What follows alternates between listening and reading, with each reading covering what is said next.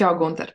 Um, es tevi uzaicināju šo sarunu, jo mm, pirmkārt es dzirdēju tavu lekciju par pārdošanu vienā citā kursā, kurā es mācos, un man ļoti, ļoti uzrunāja tas veids, kā, kā tu stāsti par, par pārdošanu. Man tas sasaucās ļoti ar to arī veidu, kā es uz tos raugos, jo nu, man, man tagad strādājot ar ļoti daudziem zīmoliem, nu es redzu, ka ir daudzas, īpaši nu, tās sievietes, jā, tie mazie uzņēmumi, ka tā sajūta ir tāda, ka viņi lab, nu, labprātīgāk aiziet bankrotā, nekā sāka pārdot. Jo ar to pārdošanu ir saistīts tik daudzas kaut kādas, mm, nezinu, stigmas un, un pārliecības kaut kādas negatīvas, ka tas jau ir, nu, pat absurdi, jo kāpēc tu iet uzņēmē darbībā, ja tu negribi pārdot, jo no pārdošana nav naudas, vai ne? Un es savukārt, manuprāt, esmu atradusi to veidu, kā pārdot ar prieku, un man tiešām neliekās, ka es kādam tur, nezinu, uzbāžos vai, vai manipulēju. Un man tāpēc ļoti rezonēja arī tas, tas tavs stāsts, kā tu runā par pārdošanu, es ļoti gribēju te uzaicināt, jo šī te pārdošanas tēma ir nu, vienkārši vienlīdz vērtīga ar cenas noteikšanas tēmu. Tātad divas vissāpīgākās tēmas uh, mazajām uzņēmējām un vispār, manuprāt, uh, daudziem uzņēmumiem. Nu, lūk, un tāpēc es gribēju parunāt ar tevi. Šī būs mums saruna diskusija par šo, uh, bet iepazīstini lūdzu bišķiņu ar sevi sākumā, jo es jau to stāstu dzirdēju tavā uh, intervijā, ne, bet lekcijā, bet uh, lai klausītāji mūsēji arī uzzina par tevi vairāk. Uh, ok, tad uh, sveika Diana un, un paldies, ka uzaicināji mani uz savu podkāstu. Uh, es esmu Gunters un uh, faktiski, ja man kāds jautā iepazīstināt ar sevi, tad es parasti saku, ka es principā esmu pārdevējs. Uh, jā, es šobrīd mācu pārdošanu, esmu kā pārdošanas un biznesa treneris, bet vispirmām kārtām es ikdienā pārdodu arī pats sevi, uh, savus pakalpojumus, apmācības, konsultācijas un citas lietas. Un kopumā pārdošanā darbojos nu jau pēdējos uh, 12 gadus.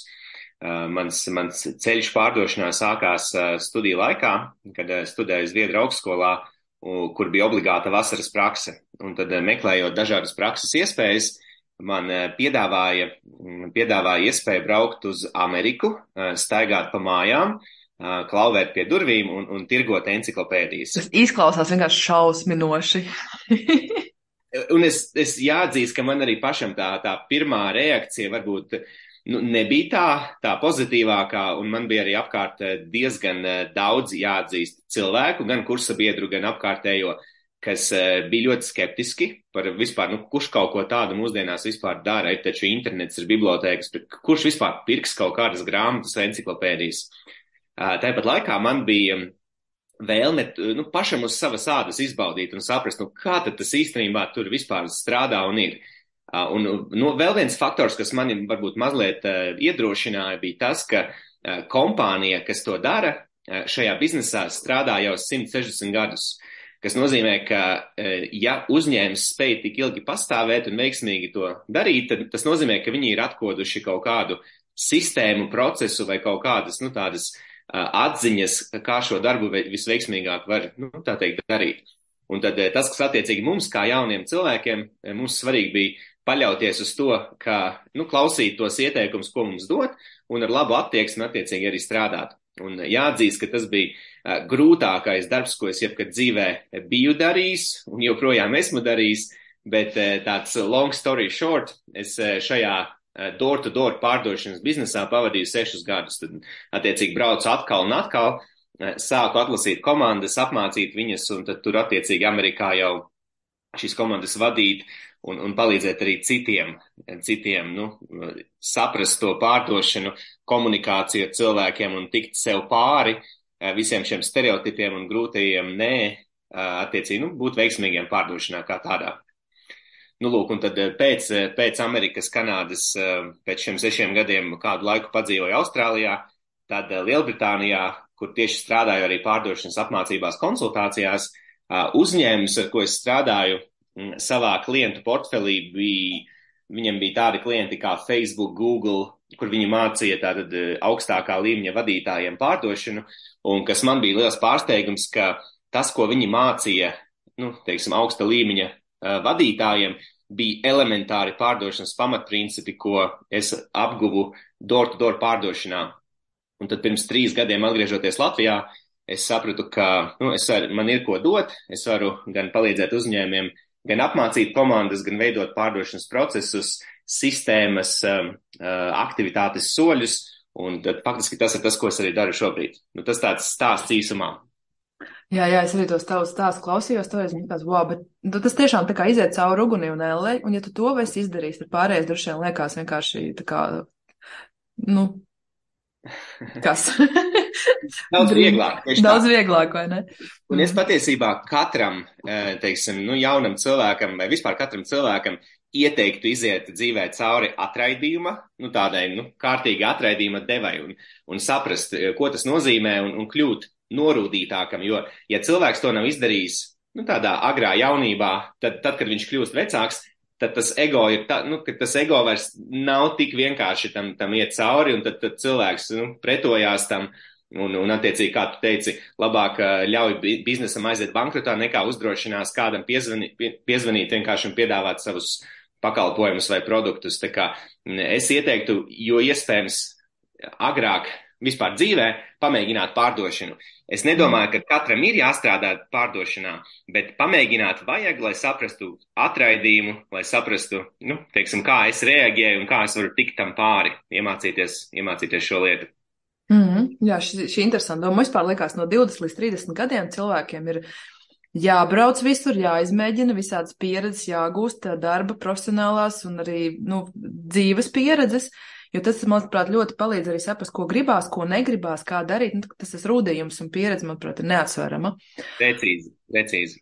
Bet uh, mēs nu, iesim pingpongā vis, vispār ar, ar, šī, ar šo sarunu. Tas, ko es tev gribēju pajautāt, jo es strādāju ar zīmoliem. Mm -hmm. Un tad, tad mana tā doma ir, ka mēs nekonkurējam ar tur, cenu vai parametriem. Principā zīmols, ko viņš, viņš palīdz pārdot uh, sajūtu. Un tad vairs nav tur uh, cena X vai tur uh, izmēri pikseļi, bet mēs pērkam jau kaut kādu sajūtu, ko mēs tai precē pie, nu, iedodam, piešķiram. Un kā ir tavā pieredzē, vai, vai pārdot zīmolu ir vieglāk nekā pārdot vienkārši kādu preci? Un, tā, kāda tad loma ir šim zīmolam pārdošanas procesā? Mm -hmm. Kā tu to varētu komentēt? Zīmols noteikti tas palīdz. Ja zīmols ir izveidots vai tas tiek attīstīts, tas noteikti palīdz. Manā, jāsaka, ka pieredzē kā aktīvajam pārdevējam lielākoties es esmu strādājis pārdošanas darbus, kur par manu uzņēmumu neviens tā pēc būtības nezina. Tas nozīmē, ka nu, mans uzņēmums nezināms, man ir jāiet ar personību jāpārdod. Protams, ka ja mans, teiksim, zīmol, uzņēmuma zīmols ir attīstīts pietiekami spēcīgs, tas cilvēkiem nu, raisa kaut kādas asociācijas, viņi ir dzirdējuši, tad man, man jātērē kā pārdevējiem ir mazāks laiks nodibinot kontaktu uzticību, nu, ja cilvēki var uzticēties. Um, savukārt, teiksim, ja um, uzsākot biznesu, kā iespējams katram jaunam uzņēmējam, par viņa vai viņas pakalpojumu neviens vēl nezina, nu, tad tās pārdošanas prasmes ir vēl jo svarīgākas uh, attiecīgi, jo tad attiec, nu, jāspēj radīt uzticība, jāspēj radīt sajūta, ka klientam, ka jā, e, tu vari uz mani paļauties, es, es sniegšu tev to, ko tu vēlies, e, īstajos termiņos, īstajā kvalitātē un tam līdzīgi. Tā kā e, pārdošanas prasmes īpaši jauniem uzņēmējiem, es pat teiktu, tas ir numur viens. Nu, numur viens, ko gan prasmes, gan arī drosme. Ja, teiksim, viens ir, es, ir, ir dažādas situācijas, varbūt divi dažādi cilvēki, viens varbūt ir, nu, kaut kādā ziņā uh, nu, varbūt talantīgāks, atvērtāks komunikācijai, bet viņš tā īsti negrib kādam tur zvanīt, vai, jo viņam liekas, ka viņš uzbāžās. Savukārt otrs vienkārši ir tāds, nu, baigi nedomā, iet uz priekšu, uztaisa tos 30 zvanus dienā, un viņš, viņš noteikti, nu, tiks, nu, viņš ir drosmīgāks, viņš iespējams rezultātu ziņā tiks tālāk, ātrāk nekā, nekā tas, kurš ir varbūt mm. talantīgāks, bet, nu, Viņš tiks tālāk kaut vai tīri matemātiski, tāpēc, ka viņš būs izdarījis soļus. Precīzi. Pārdošana savā būtībā tā ir, um, kā, kā mēs mācījāmies numbers game, jeb ciparu spēli, jeb statistikas spēle. Tur ir pavisam vienkārši, jo vairāk cilvēki tiks uzrunāti, jo uh, labāk būs rezultāti. Tā ir tīrā matemātika. Um, Tur pat, pat, protams, ka prasmes jau spēlēt, tas jau nākamais līmenis, ko tur var likt iekšā, bet uh, savā būtībā tā ir tīrā matemātika, statistika, nu, ja tā, ja tā var teikt. Mm, jā, tieši tā. Nu, klā, es tieši tikko arī uh, vadīju lekciju, un tur uh, radās jautājums arī par to pārdošanu, un tas ir tik interesanti, ka tas gāja ar vienādību zīmi manipulācija. Tas, zin kā, tas ir tikpat absurdi, manuprāt, kā pateikt, ka, um, iedomājies, es pelnu uz citu cilvēku rēķina. Bet, bet kā savādāk, vai ne? Nu, tie uzņēmējs, mēs piedāvājam kaut kādu produktu, cilvēki par to samaksā. Protams, ka mēs it kā pelnam uz tavu rēķinu, bet šī ir tā apmaiņa, prece pret pakalpojumu. Tad mēs jā, mums citi cilvēki sagādā mūsu algas. Tas ir visiem tā, pilnīgi visiem. Un tad ir šī otra lieta, jā, ka tā kā, anu, tā pārdošana, tā jau tāda marketinga manipulācija. Tu vari kaut kur novilkt šo robežu, kā, kādā veidā, nu, kur ir manipulācija, jo tas, ko es varētu iedomāties, ka tā varbūt ir kaut kāda, nu, apzināta šmaukšanās, bet tā jau nav manipulācija, un tas nav mārketings. Nu, mārketingā, ne, mārketings nav vienādības zīme, es tevi apčakarēšu. Es tev, es tev piekrītu, tie stereotipi, kas cilvēkos ir iesēdušies, viņi ir tik spēcīgi, ka no viņiem tikt vaļā un viņus izravēt, nu, ir, ir salīdzinoši grūti. Un uh, pat man, teiksim, kā cilvēkam, kas ikdienā ir pārdevējs un pārdot citiem, nereti gadās situācijas, kad man kāds grib kaut ko pārdot, es pilnīgi jūtu, ka man ir šie stereotipi iekšā, kas nozīmē, ka Viņi, nav tā, ka viņi ir tikai parastam cilvēkam, bet visiem pārdevējiem, kas ikdienā paši ir pārdevēji, tas nekas tās nepiemīt. Tas piemīt visiem cilvēkiem tā iekšējā sajūta, ka es negribu, lai man uzbāžās, es negribu, lai man iesmērē, lai man karina makaronus uz ausīm, sprauž batonus ausīs un tam līdzīgi. Un, un, un līdz ar to cilvēki arī paši to nevēlas darīt. Nu, kā, kā es tagad kādam tur zvanīšu, traucēšu, uzbāzīšos, kaut ko mēģināšu piedāvāt, ja nu viņam nevajag un tam līdzīgi. Tā kā lai tiktu galā ar šiem stereotipiem cilvēkam, kas sāk strādāt pārdošanā, nu, tas, ir, tas ir milzīgs darbs, godīgi sakot.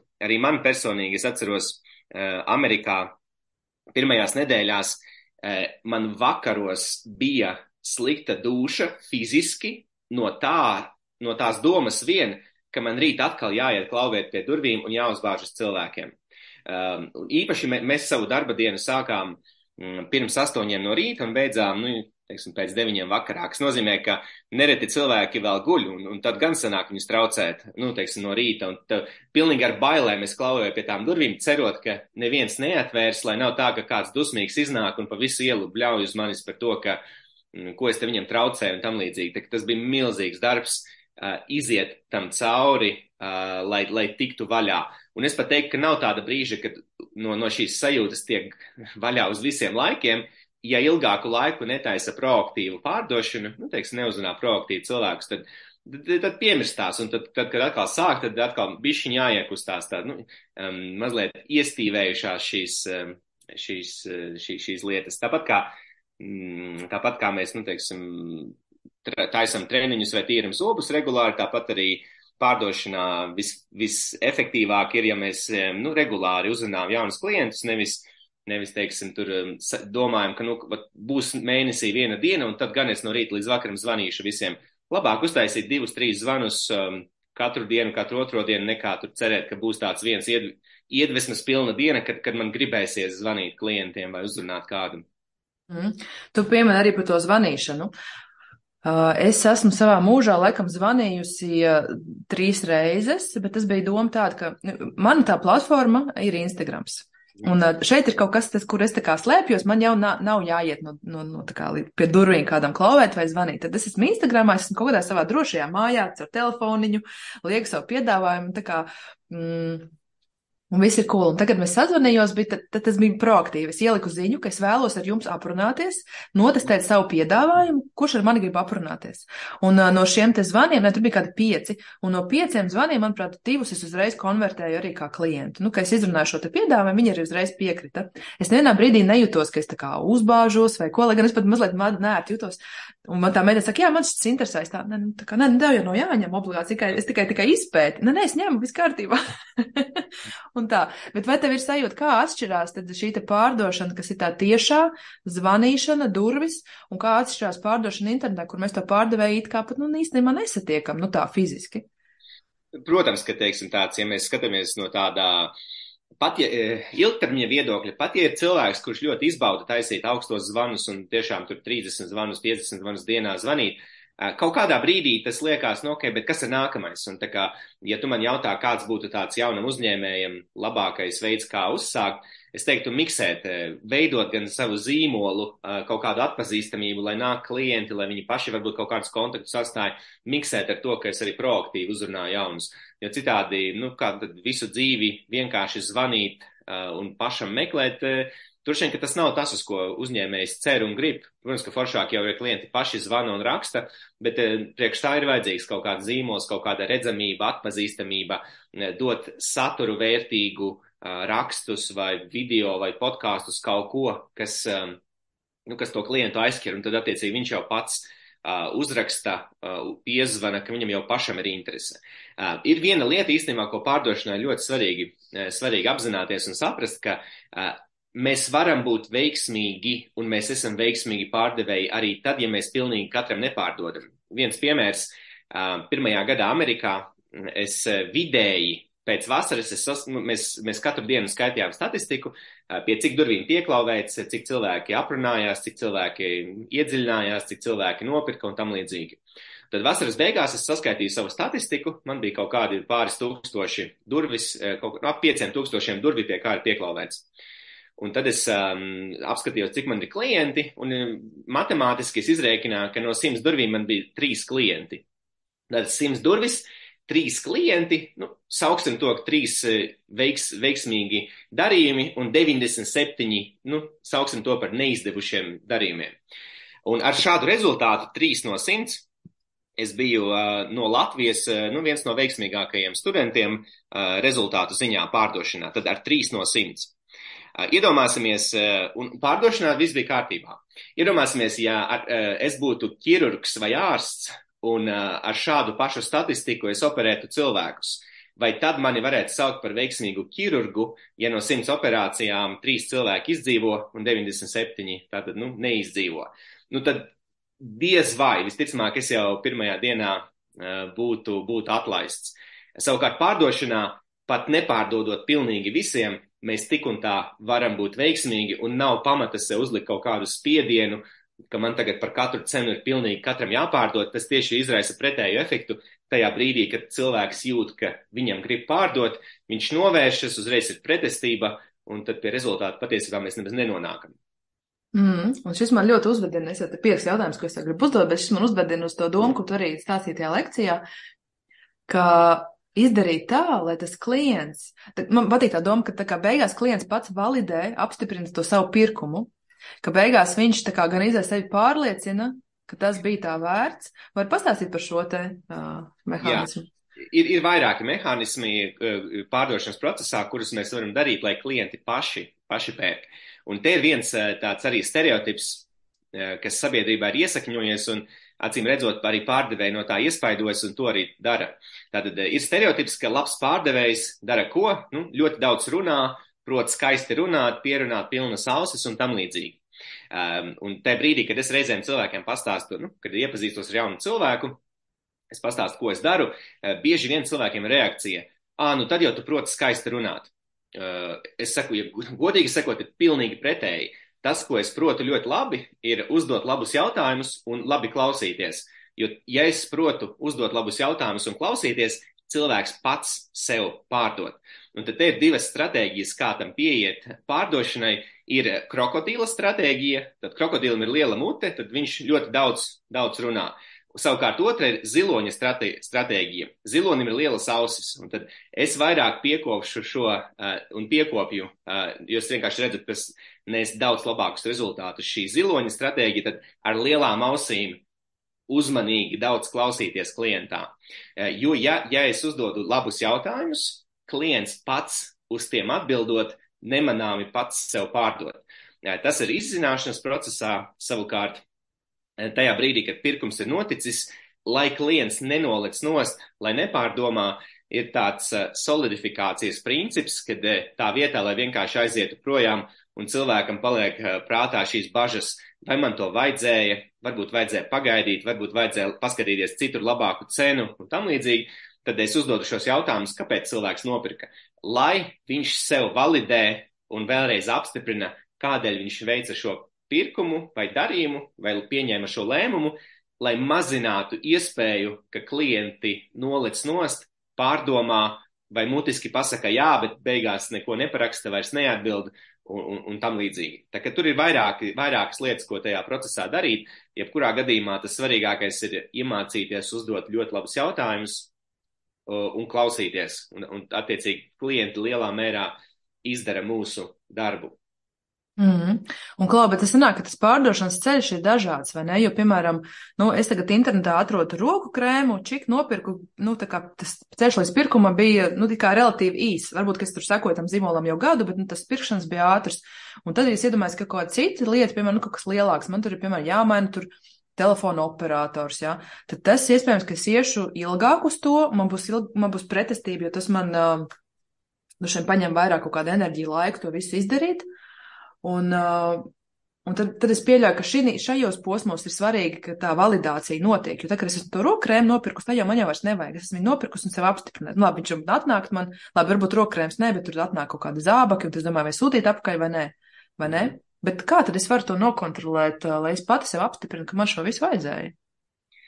Ir ļoti dažādi veidi. Teiksim, ja, ja tas produkts uh, ir ļoti vienkāršs un relatīvi lēts, tad visticamāk, nu, to var mm, pārdot, ja, teiksim tā, ka caur e-komerciju kaut kādā interneta veikalā vai caur Instagram caur kaut kādām Facebook lapām un tam līdzīgi. Kā, protams, ka visa šī, mm, visa šī sistēma un procesi, kā pārdot interneta veikalos, īpaši pēdējos divos, trīs gados, nu, lielā mērā arī pateicoties Covidam, nu, visi uz, te jau visi uzņēmumi ir kļuvuši pieejami internetā kā tādā. Tad tur varbūt ir vairāk citi aspekti. Tāpat laikā uh, ja mēs vairāk skatāmies um, uz, uz kaut kādām, varbūt tādām sarežģītākām lietām, kas vienmēr ir dārgākas, parasti, nu, piemēram, kaut kādi, kas prasa vairāk aizdomāties mazliet vairāk, teiksim, nu, kaut kādas, teiksim, automašīnas, nekustamie īpašumi, kaut kādi finanšu produkti un, un tam līdzīgi. Pat veļas mašīna. Tieši tā, pat veļas mašīna. Tad tas tomēr prasa, nu, tas prasa kaut kādu ilgāku procesu, kur mēs, es pats šonadēļ burtiski nopirku jaunu datoru, Bet, lai līdz tam nonāktu, es kaut kādu mēnesi pētīju dažādus datorus, prasīju atsauksmes, staigāju pa veikaliem, skatījos un beigās tad izvēlējos, ko es vēlos. Tā kā, mm, tā kā tas, jebkurā gadījumā, tas pirkuma brīdis var būt īss, bet tas process ir diezgan garš. Un, nu, protams, ka tur ir vairāki aspekti, ko pārdevējs var darīt, jo es kā, nu, es augstu to, es kā turists iztaigāju diezgan daudzus veikalus, uh, bet beigās nopirku, nu, nopirku caur internetu. Bet, ja man kāds pārdevējs uz vietas būtu parādījis tādu kompetenci, kad, kad man liktos, ok, nu šis ir īstais cilvēks, kas mani var nokonsultēt, tad nav, nav jau problēma. Es jau varētu, varēju nopirkt arī kādā no veikaliem to, to, to datoru. Kā... Jo te arī atgriežoties pie tā, ka pārdošana mani, manipulācija, kā es iedomājos, Ja man nāk virsū, tad, nu kā, viņa uzdevums ir man kaut ko pārdot par visu spēku, visu cenu, vai ne? Jo sarāk viņam nebūs alga. Bet taču mēs varam pieiet pie otra, nu, no otras puses, ka labs pārdevējs īstenībā ir ieinteresēts, lai es nopērku to, kas man patiešām ir vajadzīgs, jo tad es būšu priecīgs klients un nākšu vēlreiz uz to veikalu atpakaļ, ka man vajadzēs atkal nākamo lietu, jo es zinu, ka man nevis tur ie, ielika vienkārši dārgāko jo, mm, tā vajadzēja, bet man iedeva to, kas man visvairāk der. Un tad beigās jau tā pārdošana ir ka reāli palīdz atrisināt manu problēmu, nevis iesmērē, ka tik kaut ko pārdot. Protams, un te, te ir jāskatās, um, te ir dažādas diskusijas par šo tēmu, bet uh, ir cilvēki, kas uzskata, ka veiksmīga pārdošana ir veiksmīgi noslēgts darījums, kas uh, daļēji var teikt, ka jā. Uh, manā skatījumā veiksmīga pārdošana ir tad, kad uh, klients atgriežas, respektīvi, uh, jebkurš pārdevējs, nu, ja mēs dažādā, nu, teiksim, ir, protams, ka izņēmumi, bet idejiski, ja esmu pārdevējs, es varu uzspiest, uzlikt spiedienu uz to cilvēku, ka viņš nopērk. It kā nu, no vienas puses es panācu to, par ko man maksā algu un par ko nu, es varu uzsist sev uz pleca un teikt, ka jā, Gunter, labs darbiņš, klients nopirka. Bet ja tas klients beigās aiziet un viņam ir sajūta, ka viņam tika uh, uzlikts spiediens, mazliet kaut kā viņš tika piespiests ciest, nu, kaut kādā bezizējas situācijā, Visticamāk, tas klients pie manis vairs neatgriežas. Es skatītos uz pārdošanu mazliet plašāk un teiktu, ka veiksmīga pārdošana ir ilgtermiņa attiecību veidošana, um, klientu padarīšana par lojāliem klientiem, nevis kaut kāda viena darījuma realizēšana. Jo man ir bijušas situācijas, kad es uh, vadu pārdošanas komandas un viens pārdevējs, uh, reāls piemērs, nesaukšu vārdā, bet uh, viens reāls piemērs pārdevējs, eh, tātad pārdošana lielveikalos, pārdevējs eh, pārdot, eh, tur, nu, attiecīgi, konkrēto produktu pakalpojumu, un pēc, pēc tās darba dienas jūtās tās, nu, labs rezultāts, tā kā, nu, tāds kā, tā kā tīteram, tā kā aste jau, tā kā augšā, ka, nu, kad pašlepnums liels, ka, nu, ļoti labs rezultāts sasniegts. Es saku, nē, tas viss ir forši, rezultāts ir, bet, klau, mums ienāca sūdzība no klienta, kurš sūdzējās, ka nu, viņam nepatika, kā viņam tika pārdots, un ja mēs tagad nepiezvanam un neatrisinam situāciju, tad viņš vērsīsies nu, konkrētajās iestādēs, kas, kas mums nu, var uzlikt arī kaut kādus sodus un tam līdzīgi. Tā kā es šai brīdī, ja es redzu, ka klients, ja, ja man ir jāpārdod par, par varu, nu, teiksim, cilvēks, ne, es labāk saku, lau, varbūt, ka nedaram šobrīd. Tad, kad būsiet gatavi, tad arī nopirksiet lai izvairītos no šīm visām situācijām, kad tā pēcgarša paliek ļoti slikta. Klients arī sliktas atsauksmes, viņš arī saviem draugiem radiem izstāsta, ka tur gan nevajag iet, tur baigi uzbāžās. Tā kā noteikti, manuprāt, laba pārdošana ir bez spiediena, um, reāli cilvēkam pašam ļaujot pieņemt šo lēmumu, nevis ar kaut kādiem trikiem vai paņēmieniem, tur mēģinot cilvēku piespiest, nu, pieņemt kaut kādu lēmumu, kas ir mūsu interesēs. Mm -hmm. Jā, man liekas, ka te varētu arī jaukt kājas šim visam, uh, uh, nu, tā, ka tās tā pārdošana jāsacējās jā, šo tādu uzbāšanos, manipulāciju, iesmērēšanu, tīsnībā jau tā nav. Piemēram, man ļoti patika, kad es klausījos tavu lekciju, man likās daudz lietas jau intuitīvi darīju. Es uzdodu jautājumus, viņi paši atbild, vai ne? Un tā kā tas, tas arī man saturu veido, bet arī reāls atbildes to, kas cilvēkiem ir vajadzīgs. Tas jau viens. Otrs man ir arī, piemēram, tā, ka man cilvēki raksta, nu, ko tu man ieteiktu, ko no taviem produktiem man vajag. Un man nav tā, ka es viņam teikšu, ne, nu, dārgāko. Nu, nē, es tiešām izvērtēju, kas viņam varētu būt vajadzīgs, jo es šo cilvēku gribu nevis vienreiz, bet es gribu, lai šis cilvēks appie, nu, paliek apmierināts, un es esmu iedevusi viņam to, kas ir vajadzīgs. Man ir bijis arī tā, ka es saku, bet tev šobrīd neko no manis nevajag. Nu, tā kā tev viss ir forši, vienkārši tev ir cits uzsvars. Tev, piemēram, vajag tieši tagad vairāk sākt pārdot. Nu, ka nevis uh, turpināt savu logo bakstīt, vai ne? Uh, Tā, tā ir augstākā pārdošanas pilotāža pateikt klientam, klausies, tev neko šobrīd no manis nevajag. Un, un, un tas iet vispār, eh, kāpēc ļoti maz cilvēku to dara, jo tas iet pretrunā ar kaut kādiem, nu, tādu labo praksi, jo cilvēki paskatās kaut kādas filmas, kur tā pārdošanas profesija ir attēlota, ka tur līdz pašam galam eh, piespiež, tur manipulē kaut kādiem neētiskiem paņēmieniem to cilvēku, bet spēt pateikt pārdevējiem, ka klausies, manuprāt, šobrīd tu vēl neesi gatavs, vai tev šobrīd vēl nevajag, vai izdari mājas darbus, un tad, nu, tā ir eh, gan cieņa pret sevi, pret klientu, tā kā, ja, ja pat ja tajā brīdī darījums nav, es, tur ar uzvi, es ticu, ka tas atnāk ar uzviju, um, nu, kaut kādā pārskatāmā laika periodā atpakaļ. Tā kā, man, man bija īstenībā viens piemērs, uh, Es pavasarī vadīju webināru, um, kura laikā nu, gan iedeva vērtību, gan arī mēs uh, esam uztaisījuši pārdošanas kursu. Um, un tur bija ļoti interesanti, kad es stāstīju par šo principu, ka nu, ja dot iespēju cilvēkam pateikt nē. Uh, pārdošanai ir vairāki koncepti. Uh, pa, pa, pamatus, es teiksim, nu, šiem, šīm lietām iemācījos arī Amerikā. Un tad es, es, es stāstu šo principu, ka, nu, ja klients um, nav gatavs, vienkārši sakam viņam, uh, nu, lai viņš saka nē, ja viņš, ja viņš neredz vērtību mūsu produktā. Un tad eh, tu, tajā brīdī es to webināru biju uztaisījis tā, ka dalībnieki varēja jebkurā mirklī ieslēgt mikrofonu un vienkārši sākt kaut kur. Un tad viena dāma to izmantoja. Un, un uh, viņas vispirms viņa minēja, cik viņai liela pieredze pārdošanā, ka viņa vada kaut kādu jau komandu kaut kādā uzņēmumā. Un viņa stāstīja, ka Gunter, klausies, tu no pārdošanas vispār neko nesaproti. Labs pārdevējs ir tāds, kas, ja viņu nelaiž pa durvīm, Eh, viņš ielīdīs pa logu, un ja nelien pa logu, viņš ielīdīs par skursteni, un, un tam līdzīgi. Kā viņa saka, es zvanīšu klientam, kamēr, kamēr es viņu noslēgšu. Es saku, nu, forši, ja tev ir neierobežots laiks visā, nu, tavā, tavā dzīvē, bet kāpēc man lausties pa logu vai pa skursteni, ja man ir desmit citas durvis, kas ir atvērtas? Protams, ka, piemēram, ja mans produkts ir tik specifisks, ka man, piemēram, visā Eiropā ir divi potenciālie klienti, nu, kaut, kaut kas ir ļoti specifisks. Uh, tad, protams, ka nu, tad man jā, jādomā dažādas stratēģijas, kā es pie šiem diviem klientiem tieku. Uh, lielākoties jāsaka, būsim, būsim tā, nu, teiksim, objektīvi. Visticamāk, nevienam no mums, nu, teiksim, kas vai klausās podkāstu, vai pat, pat Latvijā, visticamāk, jebkuram, jebkura dažādu veidu nozarēm, mums ir vairāki desmiti, vairāki simti tūkstoši, reizēm desmit, vairāki desmiti tūkstoši potenciālo klientu. Uh, tad priekš kam lausties pa logu, pa skursteni, ja ir citas durvis, kas ir atvērtas. Kā, protams, ka es saprotu to pretrunu, jo filmās un grāmatās pārdevēji tiek aprakstīti, ka viņi spēs ielīst pa logu un pa skursteni. Tāpat laikā mans jautājums, priekš kam? Priekš kam tērēt un, un, un savu enerģiju, savu laiku uh, strādāt ar klientiem, kuriem man pār varu sevi ir jāpārdod. Piemēram, uh, viens vēl piemērs, un, un došu, došu arī varbūt tev kāda līdzīga pieredze ir bijusi. Es pārsvarā šobrīd es pārdodu savas apmācības, konsultācijas. Ja es kādā brīdī jūtu, ka ir pretestība, protams, ka es strādāju ar iebildumiem, es cenšos saprast, kas un kā, bet ja tā pretestība ir visu laiku, tad vienā brīdī es saku, ok, Klau, varbūt atgriežamies pie šīs sarunas kaut kad nākotnē.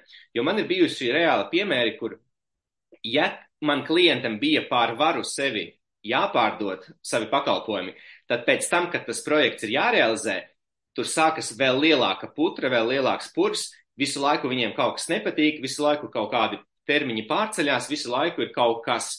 Tā kā, ja pār, tā kā man, šobrīd man tas indikators tāds, ja pārdošanas procesā sāka būt kaut kādi zemūdens akmeņi, šķēršļi, tad es sāku izvērtēt, jo pat ja es viņiem pārdodu, ko es varu izdarīt, es saprotu, ka visticamāk, tad, kad būs jārealizē projekts un tas pakalpojums reāli jāsniedz, tur būs vēl vairāk. Un, un ja es salīdzinu, daudz foršāk ir strādāt ar tiem klientiem, kuri paši grib ar tevi strādāt, nevis kuri tevi tur aiz, aiz matiem jāvelk, lai kaut kas tiek izdarīts. Un beigās viņi, uzskatīs, ka es esmu vainīgs, bet viņi, nu, kaut, kaut kas nav bijis kārtībā. Mm. Tev ir kāda pieredze šajā Oi, man, man ir pierakstīts, un tas nezinu, vai stundas laikā tiksim cauri. Visādi jautājumi, piemēram. Bet, um, jā, tas, ko es gribēju teikt. Nu, tieši tā, tas ir kā arī zīmolam, ka, ja, ja man vienā vārdā ir jāpasaka, kas ir zīmols, tā ir pēcgarša. Tā sajūta, kas tev rodās pēc tam, ka tu esi to produktu dabūjis vienalga kādā veidā, kā tu esi ar viņu saties, kā viņš, nu, no tā, kā viņš tur jūtās, līdz tā, kā viņš uzklājās, nu, ja mēs pa krēmu runājam, ja, bet arī Jā. kādas tur krāsiņas vai man patīk un kāda bija pārdošana, viss šis, tā ir pēcgarša. Un arī ar šo te pārdošanas procesu, tā jau arī ir pēcgarša, kāda man palika pēc tam, kad, man, kad es šo lietu nopirku. Un tas nozīmē, ja man nepatika tas, kā tas notika, es tur neatgriezīšos. Un mēs zinām, ir šis 80-20 princips. 80% tavu ienākumu nāks no 20% tavu klientu. Vai tas arī tev ir pierādījies? Jo, piemēram, man tā ir, es uzturu ļoti apzināti, ļoti ciešas labas attiecības saviem klientiem, un es arī redzu, man ļoti daudz atkārtotie. Man bieži vien ir tā, ka man viņiem nav ko vairs pat iedot, jo viņi visi ir nopirkuši. Un, um, Un tam man jādomā jaunas idejas. Bet tad kā ir ar tiem atkārtotajiem pirkumiem? Kas tev ir par to, ko teikt? Uh, jā, ja, respektīvi, tas ir atkarīgs no tā, kāds tas produkts vai pakalpojums ir. Nu, piemēram, ja tas kaut kāds krēms attiecīgi, kas, nu, teiksim, viena tūbiņa iztērē mēnešu laikā, tad skaidrs, ka cilvēks attiecīgi viņu atkal, atkal grib lietot. Uh, parasti, nu, teiksim, ja runā par manu produktu apmācības, uh, Tad, protams, ir klienti, kas grib apmācības, piemēram, viņi uztaisa lielākas apmācības, un tad reizi mēnesī ir atkārtošanas sesija, nu, lai uzturētu to, uzturētu komandu formā. Parasti es cenšos, pat ja man ir klienti, ar kuriem es strādāju ilgtermiņā, es proaktīvi cenšos vienmēr arī turēt acis, ausis vaļā un uzrunāt jaunus klientus, lai, lai nav tā, ka kādā brīdī, nu, kaut kas pamainās un vienkārši uh, Un, un tad man, man ir tā, ka puse no biznesa ir prom. Nu, piemēram, es reizēm, um, reizēm um, klientiem arī stāstu, ka es piedāvāju nu, kaut kādas, teiksim, pārdošanas apmācības uh, un, un, pakalpojumus. Viņi saka, klausies, mums vispār tas nav vajadzīgs. Mums ir trīs lieli klienti, mēs ar viņiem strādājam jau piecus gadus, un, un, un tā arī strādāsim. Es saku, nē, viss ir forši, ja tas tā paliek. Bet paši redzat, ka pasaule tik strauji mainās, īpaši pēdējo trīs gadu laikā, nu, Nu, neviens nevarēja paredzēt nevienu ne otru scenāriju, kas, kas pasaulē notiek. Daudz kas mainās, līdz ar to nav pamata cerēt, ka, nu, ka, arī nākotnē nekas nemainīsies. Un kas notiks, ja jūs, piemēram, pēc, pēc pusgada tas viens aiziet, nu labi, jau trešdaļa biznesa ir prom, bet ja divi, nu, tad sanāk tur knapi, knapi galus var salikt vispār kopā. Tāpēc tas ir tas vienmēr, pat ja ir atkārtotie klienti, vismaz es iesaku es iesaku turēt acis savus vaļā un būt proaktīvam, uzrunāt jaunus, lai nav situācijas, ka es esmu no kāda klienta pārāk atkarīgs. Tāpat laikā noteikti, ja man ir tas produkts, pakalpojums, ko piedāvāt šiem patstāvīgiem klientiem, tad, tad, tad es to daru. Bet es piekrītu, ka man arī ir bijis tā, kā tu saki, ka, nu, ka es, man, man pašam ir sajūta, ka man vairs nav, nav ko dot nu, šajā, laika, šajā, šajā laika posmā. Es saku, labi, varbūt paņemam pauzi kaut kādu pāris mēnešus, lai izveidinam galvu gan jūs, gan es, lai nav tā, ka es nāku, un mēs vienkārši vienas un tās pašas lietas jau runājam. Nu, teiksim. Mm. Kā... Man, man tagad iet zīmola spēle, tas ir man tāds kroņā numurs manējais, man autora tehnika un uh, Un kas bija interesanti, es tagad, kad vācu grupas, es izdomāju, nu kā man ir tā, es to produktu ļoti labi zinu, viņš ir super labs, viņš ļoti labi strādā, tas mehānisms, un es viņu, man viņš ir divreiz gadā. Jo tas ir tas, cik es viņu varu emocionāli var pacelt šo te kursu. Un tad es sapratu, ka šogad gribu viņu uztaisīt uz trīs mēnešiem, nevis uz vienu nedēļu, kur ir tā kā, nu, zin, tā kā, es nezinu, armijā, tur vienkārši čing no rīta līdz vakaram, bet uz trīs mēnešiem, lai ir garāk, lai sāks ar padomāt vidu un tā. Un es izdomāju, man, man, man vienkārši pati sevi gribēju paslavēt, man liekas, ļoti labi doma. Es aizsūtīju ziņu tā meitenēm, ka šo kursu ir nopirku, nu, man lielākoties ir meitenes visas, jā, tāpēc, uh, meitenēm aizsūtīju ziņu, ka es šo kursu veidošu klātienē, nu, es tīvi zūmā, kur ir klātienes sazvan, un es aizsūtīju tā, kas to kursu jau bija nopirkušas online. Un es viņam teicu par to, ka, nu, un es tev dodu atlaidi, reāli, pirmā mēneša summa, tev ir bez, nu, tā kā bez maksas, tu to kursu, ko tu jau nopirktu, jau esi viņu atpelnījusi. Ja tu nāc pie manis un maksā vēl tos par trim mēnešiem. Nu, tas ir pa diviem. Un man vēl divas meitenes nopirka to pašu kursu. To pašu kursu, bet citā formātā. Un tas man vienkārši nu, pavēra arī to skatu, ka, ka bieži vien tas potenciāls nav izsmelts un ka var to pašu produktu vienkārši uztaisīt tiešām, es uztaisīju vienkārši burtiski citā laika rāmī. Būtība nemainās, mainījās lai laika rāmis un tā, cik, cik es daudz esmu iesaistījis. Tas īstenībā ir punkts arī patiesībā. Šis ir tas, kas, eh, kam vajadzētu motivēt nu, vai biznesa vadītājus, īpašniekus radīt jaunus produktus. Nu, piemēram, arī tad, kad pirms 3-4 gadiem atgriezos Latvijā, es arī sāku, nu, tā pamattēma bija pārdošana, nu, kā pamattēma.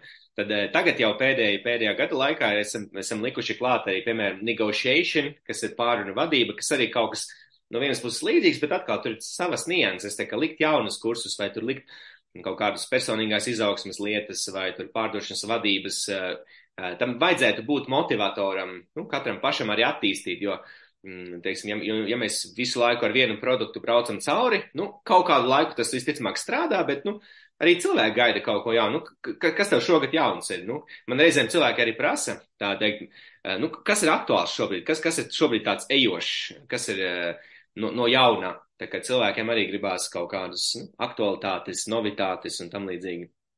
Bet tā, mēs pirms tā vēl pieskārāmies, ko es pierakstīju sev atslēgas vārdu intuīcija.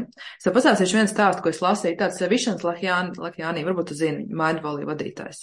Mm, Mindvalley dzirdēts, arī ka, kaut kur mazliet esmu pausu galam dzirdējis vai, vai klausījies. Nu, jā, viņi piedāvā kursus, kas ir arī uz pašizaugsmi cilvēkiem, un vienam sakot, Višans ir tas, kas ir izveidojis, un es vienkārši klausījos vienu viņa lekciju. Viņš arī, viņš sāka kā pārdevējs. Viņš Amerikā, viņam vajadzēja zvanīt juristu kantoriem, piedot, pārdot kaut kādu konkrētu softvēru priekš juristu kantoriem.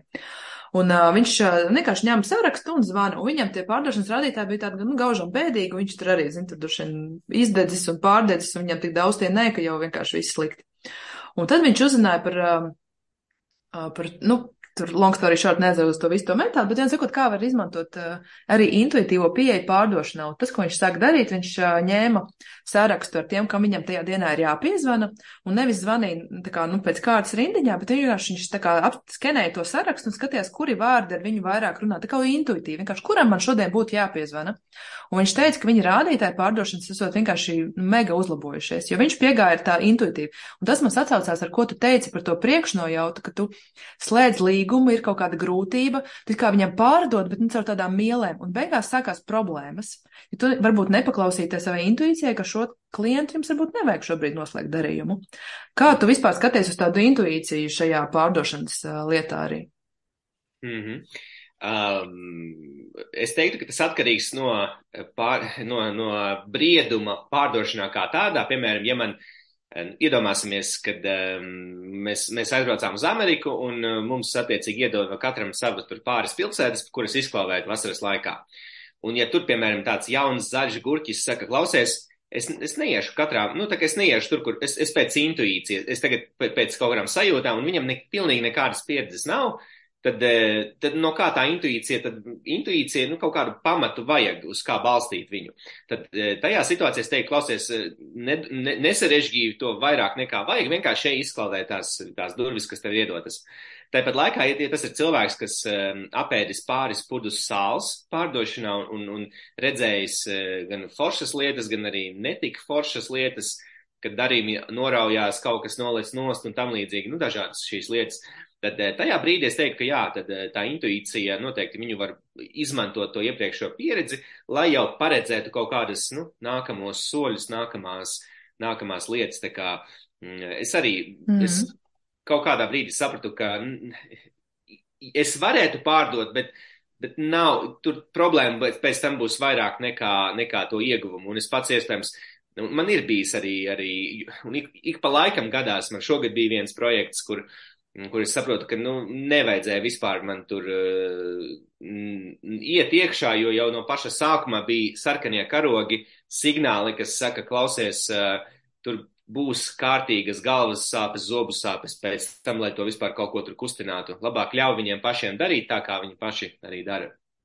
Jā, man patīk, ka tu, tu, tu pieskāries tam, ka tā īstenībā ir pieredze, tā ir, nu, tā intuīcija iet, doši vien iet roku rokā ar tādu pieredzi, ka tu jau zini, ir kaut kādi, aha, ieklausies, kā cilvēks tev saka vai atbild, vai kā tur varētu būt iespējamās atbildes un kā es reaģēšu. Un tagad ir tā bāze, zināšanu, pieredzes, uz kuras tu vari būvēt, tad jau tu zini, kā rēģēt. Kā piemēram, man šobrīd ir tā, ka es esmu tik daudz jau zīmolus redzējusi, ka es ļoti ātri jau varu norientēties. Ko man pajautās, kas varētu nostrādāt, kas nevar nostrādāt, bet tik un tā es vienmēr pieeju ar tā individuāli, jo es nevaru, kā, es nevaru pateikt visiem tā, nu, Gunter, klausies, tev zīmols labi strādās, ja tu sarkanu cepuru vienmēr staigās. Vienam strādās, otram nestrādās, pat ja zinu, ka tas strādā ilgtermiņā, bet Gunters jūtās slikti sarkanā cepurē. Tieši tā, šis īstenībā Diana ļoti labs uh, punkts, ko tu saki, ka uh, pat ja es kā eksperts jau pa gabalu zinu, nu, klients vēl tur ar vienu kāju tikai ienāca pa durvīm, piemēram, es jau pa gabalu zinu, ko viņam vajag. Nebūt arogantam, nevajag, ne, ne, nespodrināt savu ego, ka, ot, es jau, tu man vari neko nestāstīt, es zinu, ko tev vajag. Uh, izaicinājums ir kāds, kad, ja cilvēks nejūt, ka mēs caur izzināšanu esam viņu, viņā iedziļinājušies, tas risinājums, pat ja viņš būs labākais, kuru mēs tik tiešām jau nu, priekš viņa esam sagatavojuši, viņš līdz galam tam nenoticēs. Eh, un te ir viens īstenībā ļoti interesants, ko es arī mācībās stāstu, eh, pētījums no Amerikas, kad, respektīvi, iedomāsimies situāciju, ir ārsts un ir pacients. Pacients ir klients, ārsts ir pārdevējs. Kāpēc? Jo nu, ārsts pārdod ideju, ko tev darīt, kādas zāles dzert vai nu, ko, ko, ko darīt, lai izārstētos, lai būtu vesels. Un tur ir konkrēti e, faktos balstīts pētījums, kurš apliecina, ka vairāk tiesā iesūdz tos ārstus, kuri ir šie bez izzināšanas, saka, es jau zinu, ko tev vajag, bez maz vai neko vispār cilvēkam neprasa, pasaka, re, kur tev recepte, ej dzer, tev palīdzēs. Un ja beigās kaut kas noiet greizi, tad šos ārstus iesūdz tiesā statistiski biežāk, nevis tos, kuri caur empātiju uh, pat ja viņi pa gabalu arī redz, kas klientam kaiš un ko viņam vajag, viņi tomēr uzjautā tos jautājumus un parāda šo individuālo pieeju klientam attiecīgi. Un, un nu, tā kā tīrā statistika arī, arī šādā formātā. Jā, jā, nu mega sens, vai ne? Nu kā, kom, jo arī principā jau tiem pašiem zīmoliem mēs jau nepārdodam tikai to gala rezultātu. Mēs pārdodam pieredzi, mēs pārdodam iedziļināšanos, cilvēks ir uzklausīts, viņš ir, nu, tā kā viņš ir tajā universā ar mums pabijis mūsu enerģijā, un, un tad viņš jūtās, nu, jā, patīkam. Man, zini, kas ir par pārdošanu, ir interesanti, es nesen, nu, kaut kāds gads apkārt sāku piefiksēt, cik interesanti, kā mums ir kaut kādas ieietās taciņas, tipa, kā pārdot lietas. Un tas ļoti spilgti man ir manu dakteri. Es, es esmu pie vairākām bijusi, un tagad tā, kas ir manējā šobrīd, es pie viņas, kad aizēju, tur ir tā, ka tu iekšā, tu novelc kurpes. Tur ir tā kā, nu, tā kā dzīvoklī, tur tad, kad aiztais durvis ar atslēgu, tad, kad ir tur kaut kāda apskata, noslēdz gaismiņa nos. Nu, tur reāli tas, es sēžu krēslos, pie tam krēsli ir divi un mīkstie. Tas nozīmē, ka var nākt arī vēl kāds līdzi uz to vizīti. Nevis tā, ka, zini, esam tur flīžu telpā, viens krēsliņš, ja ir atnācis vīrs līdzi, tad viņš stāv kājās, un tad tagad, tur, taču, Un, un, un dara jau to pašu, tas produkts ir beigās tas pats. Es esmu bijusi pie doktora, esmu uzklausīta, apskatīta, bet tā sajūta un pieredze ir pilnīgi savādāk. Es domāju, kāpēc cilvēki tik maz pievērš arī tai pie, pārdošanas un vispār tajā tam klienta pieredzē tik maz uh, uzmanības? Jo tā Redīs. sajūta ir pilnīgi savādāk. Es nekad mūžā vairs pēc cits doktors negribu iet, jo es zinu, kā var būt savādāk. Tieši tā, pat ja rezultāts ir tas pats, patiesībā tas pieredzes ceļš ir pilnīgi, nu, viņš ir savādāks. Un, un šeit ir īpaši tiem, nu, tad, teiksim, atgādinājums, ja, ja, ja teiksim, kādam cilvēkam um, indus, jūsu nozarē vai industrijā ir spēcīga konkurence, tad vienmēr gribās teikt, jā, bet viņi var lētāk. Pro, mums ir pilnīgi tādi paši produkti, bet viņi, viņiem ir lētāka cena, tāpēc visi iet pie viņiem. Nu, nav pilnīgi vienādi produkti, jo produkts nav tikai, nu, piemēram, dato. Šajā gadījumā tev vispār ir tur cits, nu, savādāks, bet arī datori nav vienādi. Pat ja tas ir pilnīgi tas pats modelis ar to pašu atmiņu, ar to pašu visu, nu, nav viņi vienādi. Jo klāt nāk pieredze, kā es ieju veikalā, vai tur ir, sāks, sākot ar to, vai tur tīra grīda vai nav, vai tur konsultants uz mani paskatās un pienāk klāt, vai viņš nepaceļ acis, lai, lai tikai nebūtu mani jāapkalpo. Tā kā nav vienādu produktu patiesībā, un ar šo pieredzi, ar, ar šīm citām lietām, kas nāk klāt, uh, ar komunikāciju, ar attieksmi, ar mēs patiesībā produktus varam, varam pacelt to vērtību klienta acīs. Man tieši nesen bija jāiet runāt publiski, un, nu, vajadzēja jaunu štātu, zin, kā tur pēc mājasēdes nekā tāda izējama vairs nav jāiet pirkt. Nu, es aizgāju lielveikalā, iztaigāju tā kā vairākus veikals.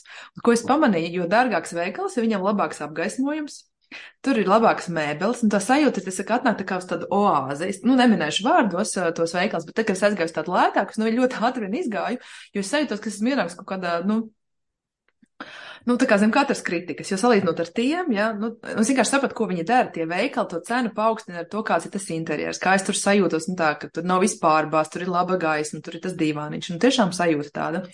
Un, un paturpinot šo tajā veikalā, kurā bija šis divāniņš un foršais interjers, un tā, ka tur varētu sēdēt un fotografēt, tieši tik skaisti tur bija. Un tur bija šī te pārdevēja, kas man tik labi palīdz. Tā laikam man bija viena no retajām pieredzēm, uz veikaliem, bet tā pieredze man bija tāda ar viņu. Viņi man atrada, viņi man pajautāja, ko man vajag, kāpēc man vajag, kā es gribu justies. Uh, un viņi man atnesa tās uh, bikses vienas otras, ah, klausies, man ir vēl viena ideja. Un es biju viņai tik pateicīga, ka viņi reāli saprata, ko man vajag un atrada to, kas, ja man nebija jāsās visi modeļi, viņi man atnesa to, kas man bija vajadzīgs. Un pat tā, ka es, es nezinu, es viņai gribu ziedus aiznest. Un nākamajā dienā, cik interesanti, es viņu satiku citā veiklā, kurā man bija tas pasākums. Es viņu atpazinu. Es viņai piegāju klāt, pasties, vai kur man ir tās biks, ko mēs vakar izvēlējāmies kopā. Es biju reāli laimīga uh, par šo satikšanos. Lūk. Super. Kaut, nu vairāk būtu tādas pieredzes. Uh, protams, ka tajā cilvēkiem, kas, ir, kas strādā veikalos, viņiem tas darbs Mm, nu, viņš nav vienkārši, jo bieži vien, kad cilvēkiem viņš iet veikalā un viņi pienāk klāt, tiešām gribot palīdzēt, prasa, nu, vai es varu kā palīdzēt, ko cilvēks saka, nē, nē, es pats. Un tad viņiem sanāk, viņi jūtas arī atrēt, nu, tā kā es gribēju palīdzēt, bet cilvēks man pateica, nē. Te bija ļoti interesanta ideja, ko es redzēju, um, redzēju ārzemēs, Amerikā, kad ienākot veikalā, tur ir tāds groziņi stāv, un tad ir tur sarkanie vai melnie. Nu, krāsām nav nozīmes un uh, divas, divas, divi stabiņi. Un tad, uh, ja tu izvēlēsies melno groziņu, tad tu rakstīsi, tad tu gribi, lai pie tevis pienāk klāt un palīdz. Ja tu ņem sarkano, tad tu gribi iepirkties solo, nu, individuāli. Un um, tas kaut kādā ziņā ļoti interesantā veidā palīdz šiem pārdevējiem, nu, lieki, nu, neradīt cil cilvēkam šo pieredzi, ja viņam negribās, ka viņam kāds iet, iet klāt. Bet, nu, idejiskajā šiem cilvēkiem tas viņam, nu, jālasa tā situācija un jāskatās, kuros brīžos tur no kuras puses, kā, kā, nu, kā, kā tam cilvēkam palīdzēt, lai nav tā ierastā pirmā reakcija. Pat ja reizēm gadās arī tā, pat ja man vajag palīdzību, reakcija ir pateikt, ka nē, nē, paldies, es pats, un tu kaut ko meklē, neatrod, un tad, tad iet pakaļ, bet es jau uzreiz varēju pateikt, ka vajag. Um, palīdzēt. jā, jā, tā. Man jau arī tā bija, ne, ne es pati, bet beigās es sapratu, nu, pats, ko es pati līdz veikala slēgšanai pusstundu vajag, lai viņi man palīdz. Un, uh, un arī nu, tas, atgriežoties pie tās pašas pārdošanas manipulācijas vai ko, man liekas, tieši tā saprast, ka tas pārdevējs īstenībā nu, vēlās palīdzēt. Un arī mēs, labi, pārdevējs, mēs varam domāt, tas ir tā trešā persona, ja viņam tikai savu algu vajag nopelnīt. Bet, ja es esmu kā uzņēmuma vadītāja, nu, es esmu pati sava nu, zīmols, es sevi, savus pakalpojumus tirgoju, es caur sevi, man nav neviens pa vidu vēl pārdevējs, es esmu patis no tīras sirds, tiešām vēlos tev palīdzēt. Un, um, Man nav, ne, nu, jā, nu, viens, ko tas, ko es gribēju teikt, ka ir viena lieta, ka tas trešais pārdevējs, bet ir lieta, ka es kā pati, kā, nu, zīmola uzņēmuma vadītājs pārdodu. Un, vai tur arī kaut kas mainās, ja ir trešā persona, kas pārdod, vai ja pārdod tiešām, nu, kā es redzu uz reklāmas seju, viņi ar mani arī sarunājās. Tā kā es, vai tas palīdz pārdošanas procesā?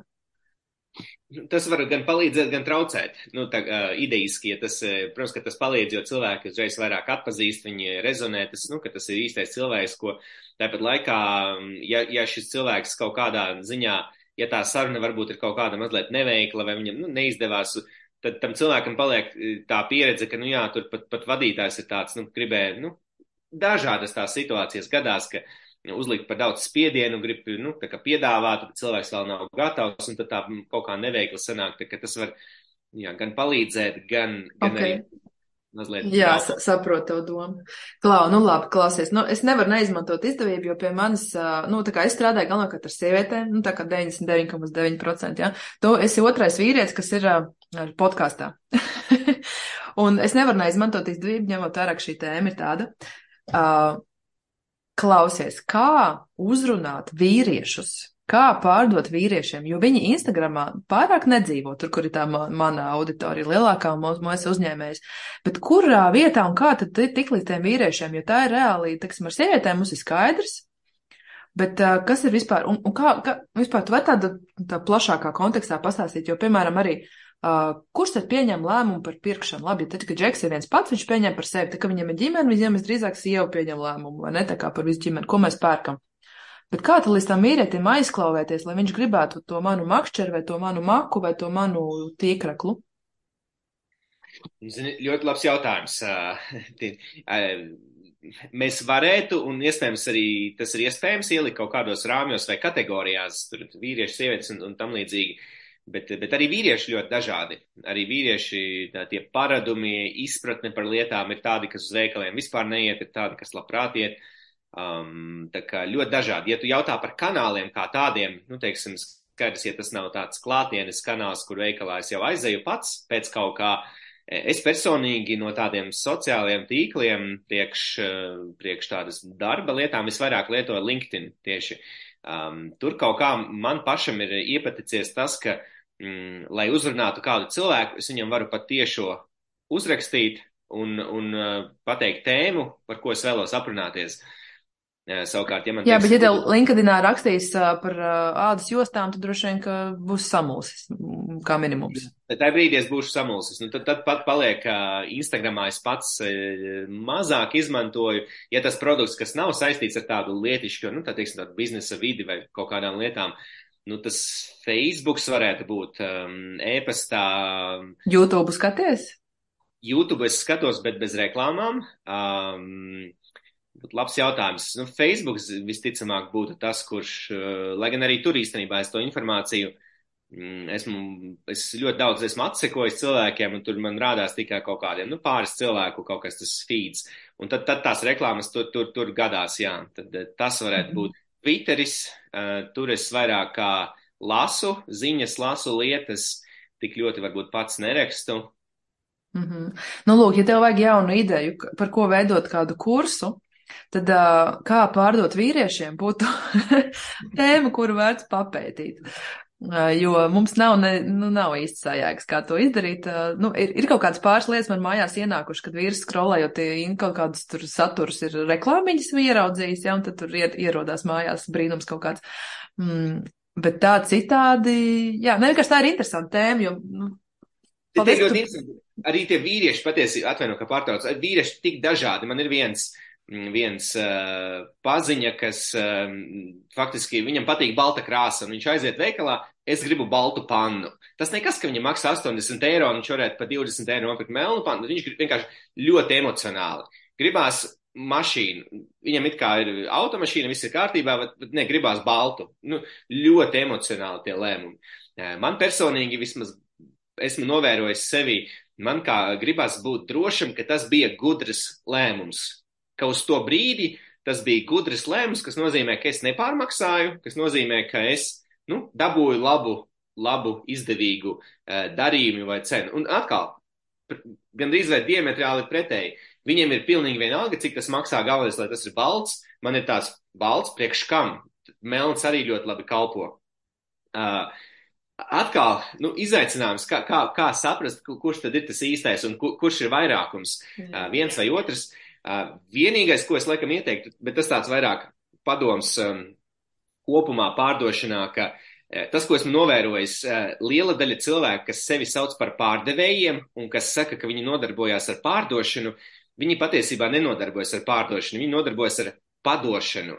Respektīvi, viņi padod to, ko klienti viņiem paprasīja, un viņiem liekas, ka viņi ir pārdevēji vienkārši padodot klientam to, ko paprasīja, nu tā nav nekāda pārdošana. Pārdošana ir tad, kad tu uzdod jautājumus un tikai tad piemeklē labāko risinājumu. E, reizēm tas ir kaut kas pat mazāks, kā, kā tu minēji situācijā, kas ir klau, es tev neiesaku šo dārgo variantu, tev derēs lētāks. lai gan lielākoties tas nozīmē arī, ka klients nopērk kaut ko lielāku, dārgāku, saņem lielāku vērtību nekā tad, ja viņš, nu, viņam iedod tikai to, ko viņš paprasīja. Tā kā vienkārši atcerēties sev atgādināt, būt pārdevējam, nodarboties ar pārdošanu, nevis padošanu, pasūtījumu izpildi, izsniegšanu, nosūtīšanu un tam līdzīgi. Bet vai no tā, ka padošana darbojās tad, kad, piemēram, es esmu izdarījis savus mājas darbus, man ir labs Instagrams, tur ir bijis saturs, cilvēks ir sildīts, un tad jau es vienkārši viņam padodu, viņš jau ir atnācis pie manis jau silts. Savukārt tā pārdošana ir tad, kad viņš man vēl ir jāpasilda. Arī, arī tad, jā, jā teiksim, um, man, es atceros, viens no tādiem pirmajiem spilgtākajiem piemēriem man bija pirms kādiem trīs, četriem gadiem. Uh, viena uzņēmuma vadītājs mani uzrunāja un teica, klausies, mums te jauna pārdošanas komanda, vajadzētu kaut kādu iedvesmas lekciju viņiem. Es saku, nu, idejas, ka nu, viņš domā iedvesmas lekcijā, nu, 45 minūtes. Nu, ok, es saku, protams, ka es to varētu, nav problēma, nu, bet tā vietā, lai padotu to, ko viņš paprasīs, viņam saka, labi, bet varbūt satiekamies, bišķiņi aprunājamies, gribu saprast, kas tā par komandu, kādi tie cilvēki un tam līdzīgi.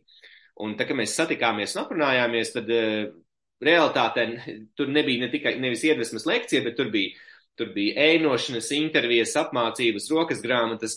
Beigās tas um, klients, jā, tas maksāja priekš klienta vairāk, bet tā vērtība, ko klients saņēma, bija nu, ne, neizmērojami augstāka nekā no kaut kādas 45 minūšu nodarbības, pēc, par kuru jau aizmirst visi.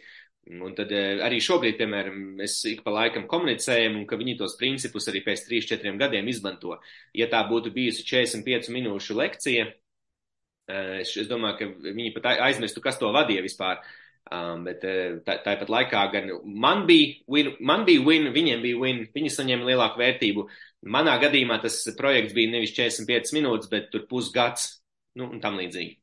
Bet Šis ir ļoti labs punkts. Zinu, ko es arī sapratu, ka bieži vien tas klients maz nezina, ko viņš grib, Pēcīgi. jo viņš, viņš pat nezina, ko, no kā viņš var izvēlēties, un tad Pēcīgi. mēs varam iedot idejas, un, ja? un beigās viņš būs priecīgs. Precīzi, klients atnāk ar kaut kādu savu izpratni par lietām. Ļoti retos gadījumos klienti zina, ko grib. Nu, piemēram, ja tu to krēmu lieto jau divus gadus, tad visticamāk tu zini, ka tu gribi tieši to krēmu, jo tu esi pamēģinājis citus un citi tev nedara. Nu, tu, tu jau zini, ka, jo, jo tu esi to lietojis. Bet runājot par, teiksim, tādu klientu, ar ko mēs pirmo reizi komunicējam, tad vislielākoties viņiem ir kaut kāda tikai izpratne daļēja, ko viņi tur saklausījušies internetā, apskatījušies kaut kādas, nu, sagrābstījuši no visām pusēm, un tad viņiem liekas, ko viņiem vajag. Bet īstenībā nu, mūsu uzdevums ir palīdzēt, palīdzēt noformulēt līdz galam un saprast to. Jā, šis ir foršs, un tas man liekas, ka arī nu, man, man, tajā manā kontekstā, kur es zinu tos manus biznesus, kas ir Instagram, arī uh, kaut vai tieši tik vienkārši kā piedāvāt komplektus. Jo ir kaut kas pa vienam, pa vienam, un tad tu saki, vai kur ir sets, un tādā veidā tu palielini arī to vidējo čeku. Uh, Un, un tā, vai ne? Nu jā, un iedot arī to vērtību klāt. Tā kā jā, forši. Labi, klausies, nu, Gunter, nu kas ir tas, ko no tevis var nopirkt? Ko, ko tu piedāvā? Pareklamē bišķiņa sevi arī. Jā, jāsaka tā, ka tas, es šobrīd pat aktīvi tik ļoti vairs neuzrunāju, jo pēc tādu 3-4 gadu aktīva darba un, un būšanas atpakaļ Latvijā patiesībā Mm, pietiek gan interesantu projektu, gan klientu, un, un klienti arī regulāri aicina man nākt pie viņiem darbā, nu, pilnu laiku mm. strādāt, ko es parasti saku, ka man ļoti patīk tas, ko es daru, man ļoti patīk uh, dažādas nozares, ar ko es strādāju, dažāda veida uzņēmumi, bet uh, faktiski tas, ko es daru, ir pārdošanas, pārdošanas vadības negotiation apmācības komandām, un komandas izmērs, tas var būt ļoti dažāds. Esmu vadījis nodarbības komandām, kur ir 40, 50 pārdevēji. Uh, esmu vadījis nodarbības komandām, kur ir uh, viens, divi pārdevēji. Tā, tas, nu, tas, tā amplitūda ir diezgan, diezgan plaša. Un tad, uh, lai sagatavotos apmācībām, reizēm uzņēmumi ir to paņem tikai kā vienu produktu, ir slepenais klients vai ēnošana, kad es dodu iespēju novērtēt, kā tad, kāda tad viņiem ir šī klientu apkalpošana, pārdošana, un iedot ieteikumus balstoties uz to. Bieži vien tas ir komplektā, tad uzreiz seko apmācības. Un um, tas, kas ļoti īstenībā uzņēmiem ļoti patīk un interesē, ir pārdošanas rokas grāmatas, kas nozīmē, ka viņiem ir materiāls gan jaunajiem pārdevējiem, onboarding, uh, gan arī, gan arī esošajiem, uh, ka tas viss ir uzlikts uz papīra. Jo, piemēram, reizēm man ir klienti, kas sākumā teica man, Gunter, priekš kam man to visu uz papīra uzlikt, re, kur man pārdevējs Jānis, viņš jau 20 gadus pie manis strādā, viņš jau visu zina. Nu, viņam viss ir galvā, visi procesi, viss ir skaidrs, kā, kā un ko darīt. Es saku, nu, forši, bet ja Jānis aizbrauc atvaļinājumā, aizbrauc eh, kaut kur aiziet no darba, tad Jānis aiziet ar visu to know-how, kas uzņēmā ir. Tā, tā labā praksa tomēr ir saka to, ka nu, uzlikt uz papīra visas šīs procesus, sistēmas un, un lietas. Un um, atsevišķos gadījumos, ja projekti ir interesantāki, tad es arī no nulles izveidoju pārdošanas procesus, sistēmas, uh, nu, pa soļiem, kā un ko pārdot. Un, un šobrīd kopā ar partneriem mēs, um, nu jau pirmais, pirmais kurs praktiski aizvadīts, uh, esam uztaisījuši arī online apmācību kursu, saucās uh, Neatkarīgais pārdevējs. Uh, un, respektīvi, tagad, nu, nākamā gada sākumā jau būs nākamā, nākamais iesaukums Tā kā um, apmācības uh, reizēm strādāju arī individuāli ar pārdošanas vadītājiem, kas ir vairāk kā coachings uh, saistībā ar pārdošanas vadību, pārdošanu un tādām lietām. Saka, tā pārdošana ir tāda tiešā pārdošana vai arī, piemēram, nu, kā e-komercija? Um, e-komercija un digitālais mārketing, mārketings tās nav tēmas, ar ko es strādāju. Es varu iedot padomus, uh, tāpat laikā noteikti tur, tur ir zinošāki speciālisti. Uh, tas, ko es daru, tur tajā brīdī, kad ir komunikācija ar klientu klātienē, e-pastos, pa telefonu, kur ir vajadzīgs šis, šis, šis uh, nu, kontakts. Un reizēm ir cilvēki, kas saka, klausies, bet man to nevajag, man, man pērk um, nu, e, e internetveikalā šīs lietas. Uh, Ja tas produkts ir salīdzinoši nedārgs, tad cilvēki tiešām pērk krēmus, pērk visu kaut ko internetu veikalos. Tāpat laikā, ja tas ir kaut kas dārgāks un tas, tas ir risinājums, nevis kaut kāds vienkāršs vienkārši produkts, tad skaidrs, ka, piemēram, digitālais mārketings var tev iedot sarakstu ar ieinteresētiem līdiem, bet kādam pēc tam viņam jāpiezvana un jānokonvertē viņi par klientiem, un tad tur gan es varu palīdzēt, kā pārdot pa telefonu nu, teiksim, ja tur ieinteresēti vai vienkārši tā ir Lursaf datubāze, jebkādā veidā. Ok, super. Labi, Gunter, paldies tev liels par sarunu. Zini, ka, kas man bija, kāpēc ļoti gribēju tevi arī aprunāties? Man ļoti patika tas, tā tava filozofija un pieeja. Manuprāt, tieši arī caur šo sarunu var arī visas šīs uzslāņotās kārtas noņemt no pārdošanas, ka tas ir kaut kas uh, fūpē un tā, un, un, un to arī man arī pierāds ar to, ko tu stāsti, ka tu neesi pārdējis par visu varu, bet tu arī tomēr skaties, ka tu ir cilvēcīgais faktors šajā visā iekšā, un tad tomēr mēs. Uh, nu, tā nav, nu, lai arī tā ir numbers game, tomēr tā ir arī human game. Nu, kā, līdz ar to man prieks, ka tā, tur šo metādu arī turpini stāstīt uh, citiem, jo tas nozīmē, ka mums aizvien vairāk būs tādu foršu, patīkamu pārdevēju arī apkārt. Paldies, nu, tev, Diana. Bija patīkami aprunāties, uzklausīt arī tavu pieredzi, tavu skatījumu par lietām, tā kā, un paldies, ka uzaicinājusi savu podkāstu. Paldies tev!